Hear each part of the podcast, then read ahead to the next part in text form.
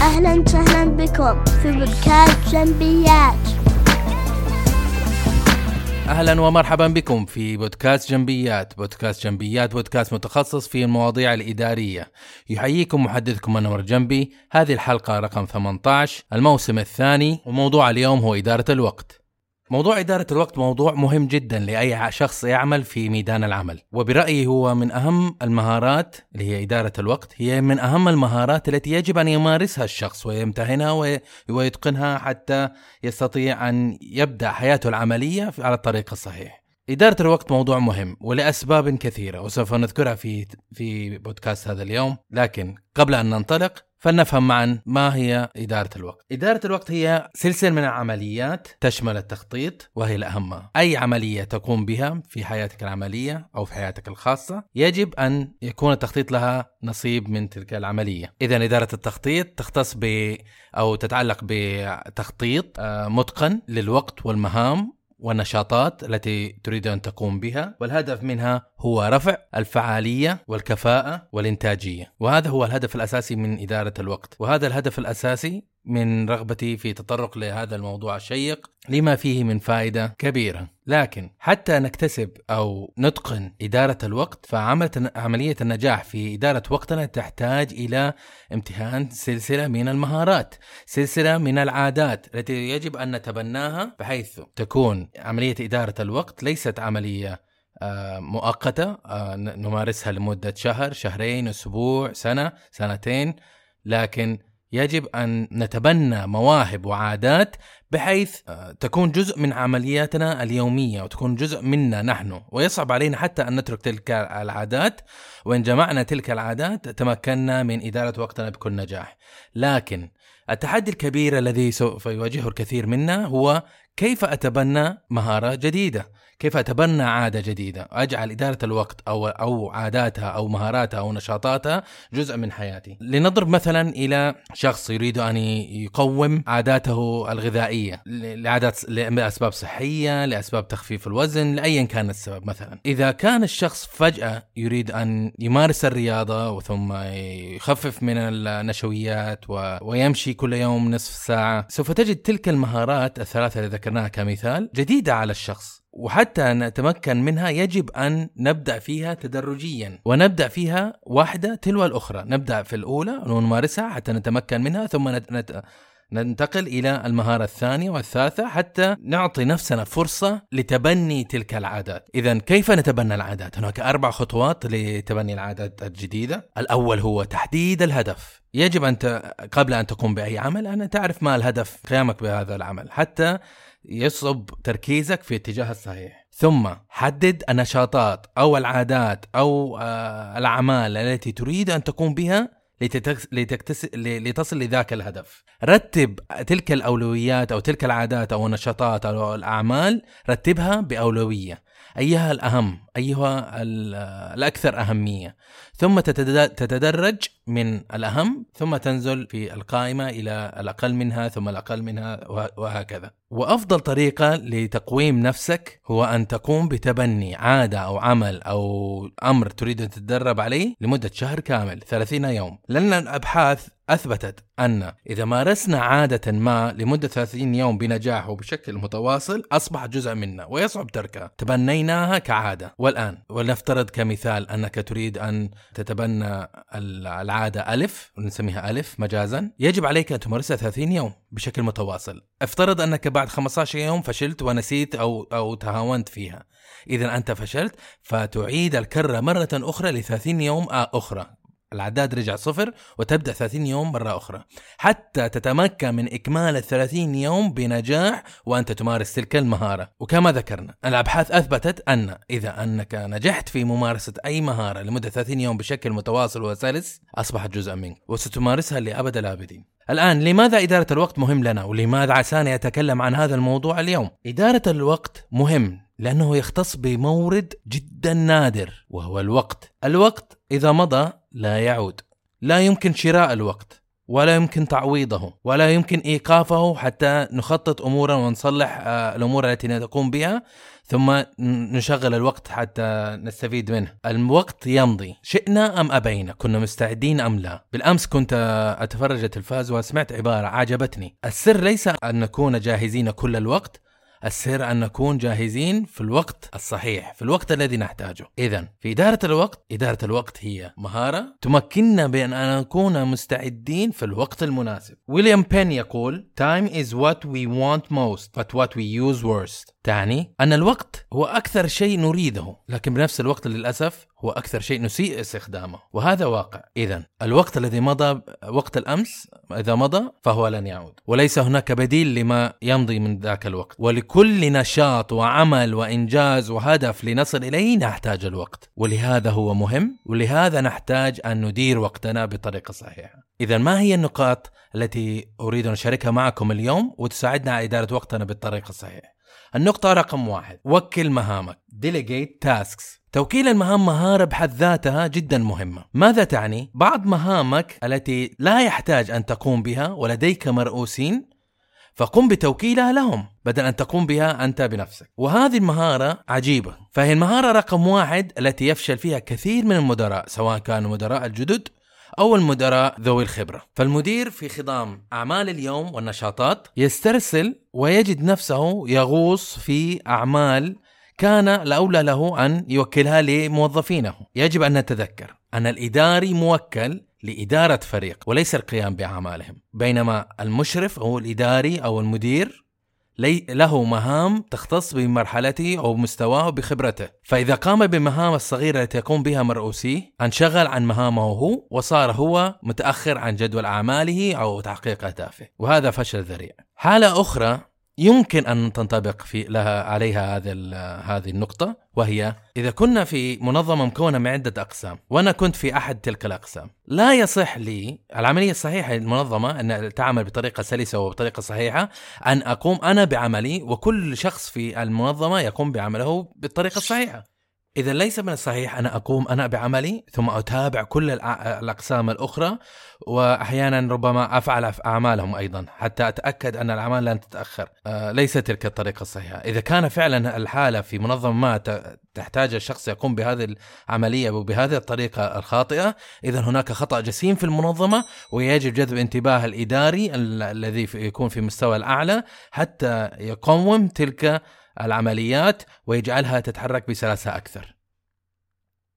رتب مهامك آه، على حسب الأولوية وهذه من أساسيات الإدارة وهي موجودة أيضا ويذكرها أيضا ال PMP برنامج ال PMP لإدارة المشاريع. أذكر مهامك أذكر عملياتك أذكر أعمالك التي تريد أن تقوم بها ورتبها بالأولويات وأنجزها الأهم فالأهم. لكن إن لم ترتبها بتلك الطريقة ستجد أنك أمام حائط من المهام التي لا يمكنك أن تتجاوزها لأنك لا تريد لا تعرف من أين تبدأ. فالحقيقة الطريقة الصحيحة هي أن تبدأ في الأهم لأنه التي الأهم هي التي لا يمكن أن تؤجل أو تسوف ثم تندرج في الأهمية حتى تنهي تلك المهام التي عليك. إنجازها. هناك طريقة اللي تساعدنا على, ترت... على معرفة الأهمية والأولوية لتلك المهام. فالمهام من ناحية الأهمية تقسم أو حالاتها تقسم إلى آه، أربع معايير. وهي العاجلة والغير عاجلة والمهمة والغير مهمة. فالعملية أو النشاط إذا كان عاجل ومهم إذا علينا أن نقوم به. لكن إذا كان غير عاجل لكن مهم فعلينا أن نخطط لها. نضع لها جدول نضع لها وقت حتى نقوم بتلك المهام. أما إذا كانت عاجلة لكن غير مهمة فوكلها إلى غيرك. والحالة الرابعة إذا كانت غير عاجلة وغير مهمة فلما عساني أقوم بها؟ اتركها. فهي غير مهمة وغير عاجلة. النقطة الثالثة تجنب التسويف. التسويف هو التأجيل وهي أن يصل إلى طاولتنا قائمة من المهام أو النشاطات التي يتوجب علينا القيام بها. ونعرف أنها مهمة ونعرف عواقب إذا لم نقم بها لكن نؤجلها لسبب إما كسل أو عدم رغبة أو عدم قدرة على التركيز. أيا كان السبب فالأعمال تلك قمنا بتأجيلها ولم تنجز. إذا أجلنا مهمة ما سوف نحملها معنا حتى تأتي مهمة أخرى ومهمة ثالثة ورابعة وخامسة وسادسة حتى تتراكم علينا المهام ونجد أننا قد وصل على طاولتنا الكثير من المهام والتي تصب علينا حتى إتمامها. هذه النقطة يجب أن تطبق عليك في حياتك العملية وحياتك الخاصة لا للتسويف. هناك مقولة عربية تقول لا تؤجل عمل اليوم إلى الغد. النقطة الرابعة جدول مهامك. الطريقة أفضل طريقة بالنسبة لي شخصيا أقوم بها أنا أجدول مهامي بالطريقة هي أن أقوم بتس... بسرد المهام التي أريد أن أفعلها في بداية اليوم. أصل إلى المكتب قبل أن أفتح برنامج الرسائل الإلكترونية أو أبدأ أرد على التليفونات أو أيا كان أحضر ال notebook. وأسرد مهام التي أريد إنجازها لذاك اليوم وأحرص طول اليوم أن أتمها وكل ما تم مهمة أشطبها. هناك الكثير من الأدوات وتبعا لميولك ورغبتك يمكنك استخدامها. المهم أن تجدول تلك المهام. أستخدم أيضا طريقة أخرى أنا وهي استخدام برنامج ال Outlook. برنامج ال Outlook بإمكانياته عجيب. فهو يقوم بمقام السكرتير. يدير مهامك يذكرك يرسل الرسائل وقت ما شئت. برنامج ال Outlook برنامج جبار. وللأسف الكثيرين يجهلون كيف يستخدمونه. وأتمنى أن تحاولوا أن تتصفحوا هذا البرنامج وتخرجوا من إطار إرسال رسائل وقراءة الرسائل. وتحاولوا تكتشفوا زواياه وإمكانياته والخيارات التي يسمح لها.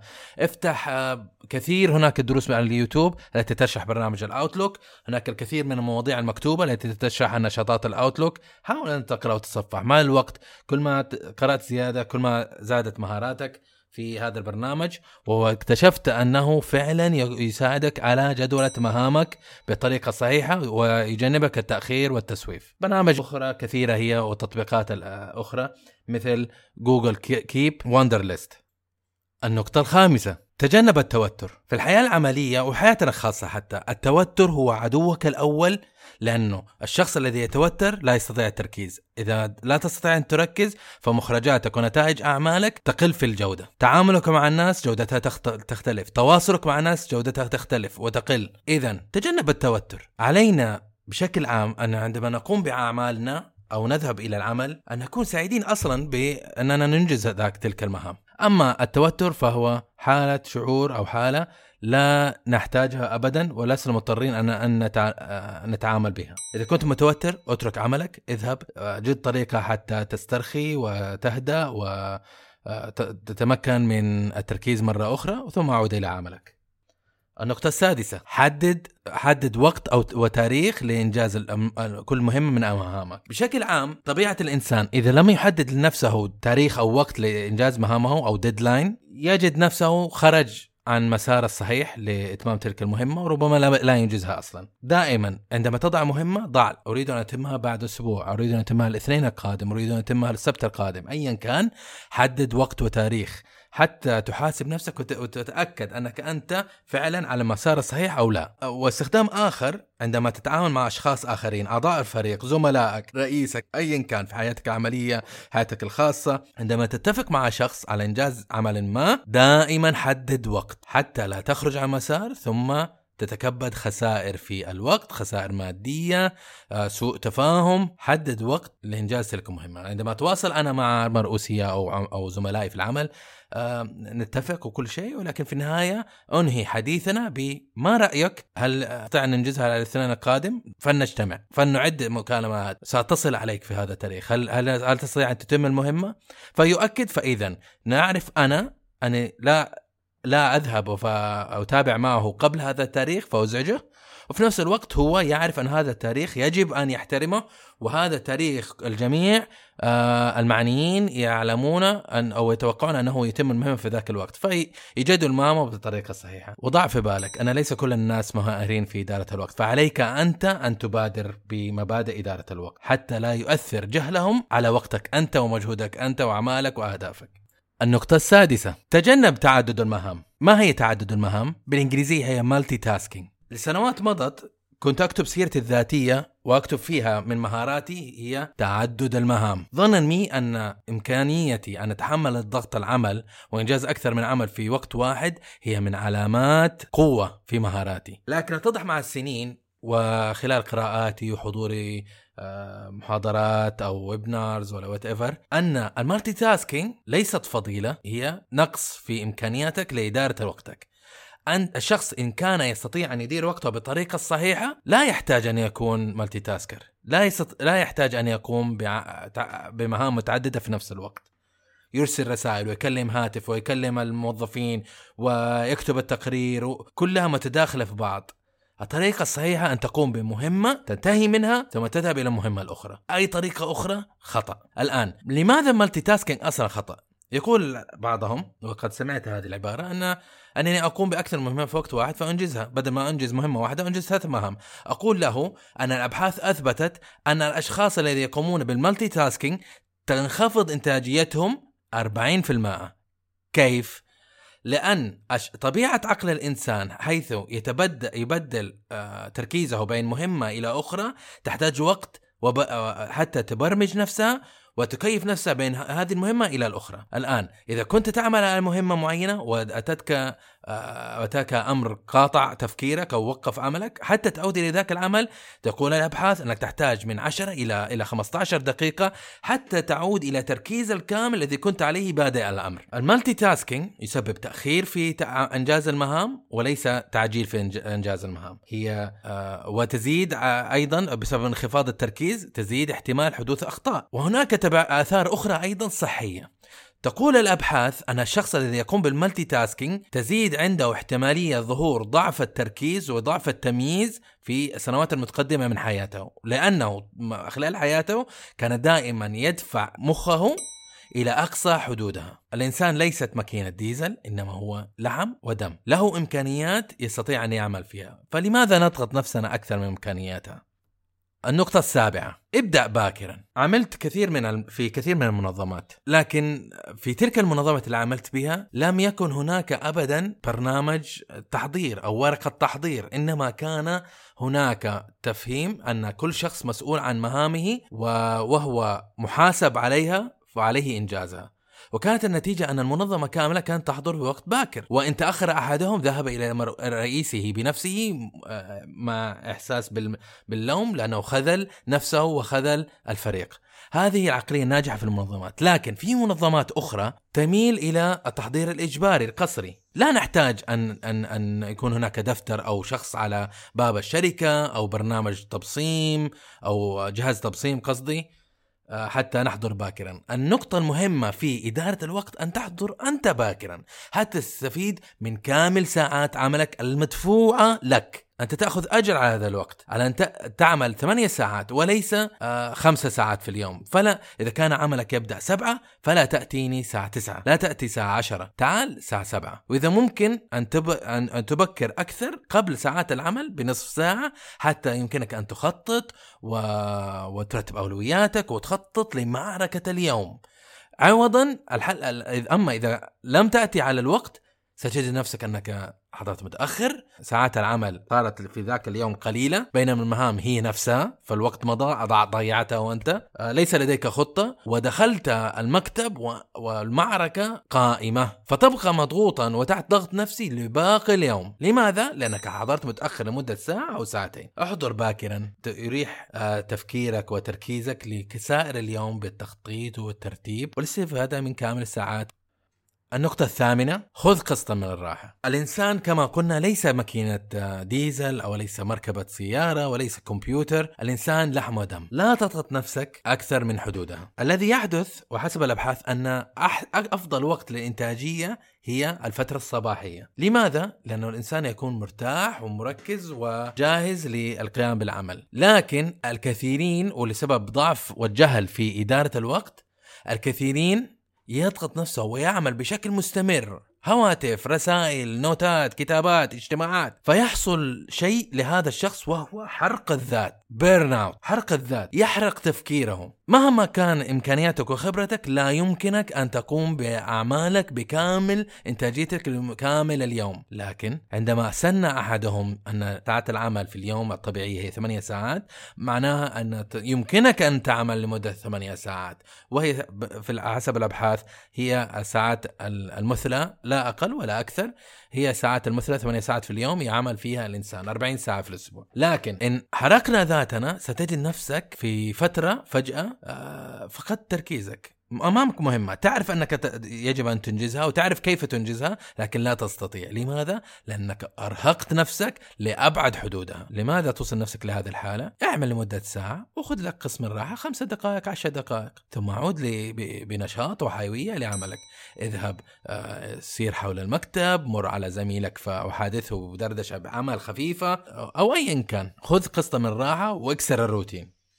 النقطة العاشرة والأخيرة وهي تعلم أن تقول لا. وهذه النقطة كثيرا عندما أقوم ب آه، إلقاء في محاضرة أو في درس أو دورة تدريبية في منظمة أعمل فيها دائما تثير ال- ال- الجلبة وتثير النقاشات وكيف أقول لا. نعم من حقك أن تقول لا. أنت موظف ولست عبد. أنت موظف ولك موكل بمهام. لكن القصد أن ليس مجرد أن يأتيك مديرك وأن يقول لك أرجوك أتم هذا ال- ال- التقرير. تقول له لا وفقط لا.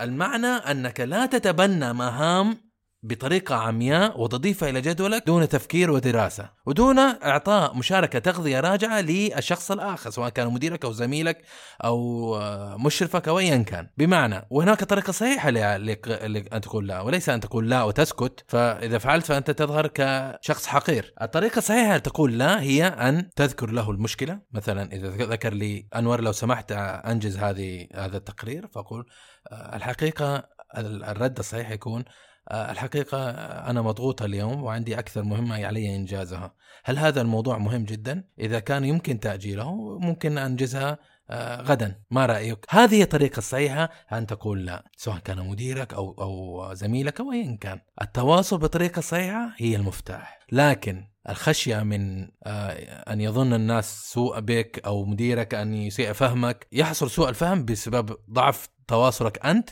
بسبب ضعف إيصال الرسالة من شخصك أنت. آه، وبسبب أيضا قبولك ب- بإنجاز مهام إضافية إضافة إلى المهام التي عليك إنجازها أنت اليوم. لأن إذا قبلت بطريقة عمياء ستجد نفسك مرة أخرى تراكمت عند عندك المهام وفشلت في إنجاز أي منها. لأنك طبعا بما أنك قبلت مهمة وعلى أساس إنها عاجلة سوف تؤجل المهام التي أنت جدولتها ووضعت لها أولوية لتنجز تلك المهمة العارضة. بأي طريقة كانت هذا فشل. وهكذا نصل لنهاية بودكاست اليوم. شكرا لانضمامكم لنا واستثمار وقتكم معنا لسماع ما لدينا حول موضوع اليوم الذي كان إدارة الوقت. وأيضا أحب أن أدعوكم لزيارة آه، مدونتي الخاصة اللي هي جامبي دوت إم إي.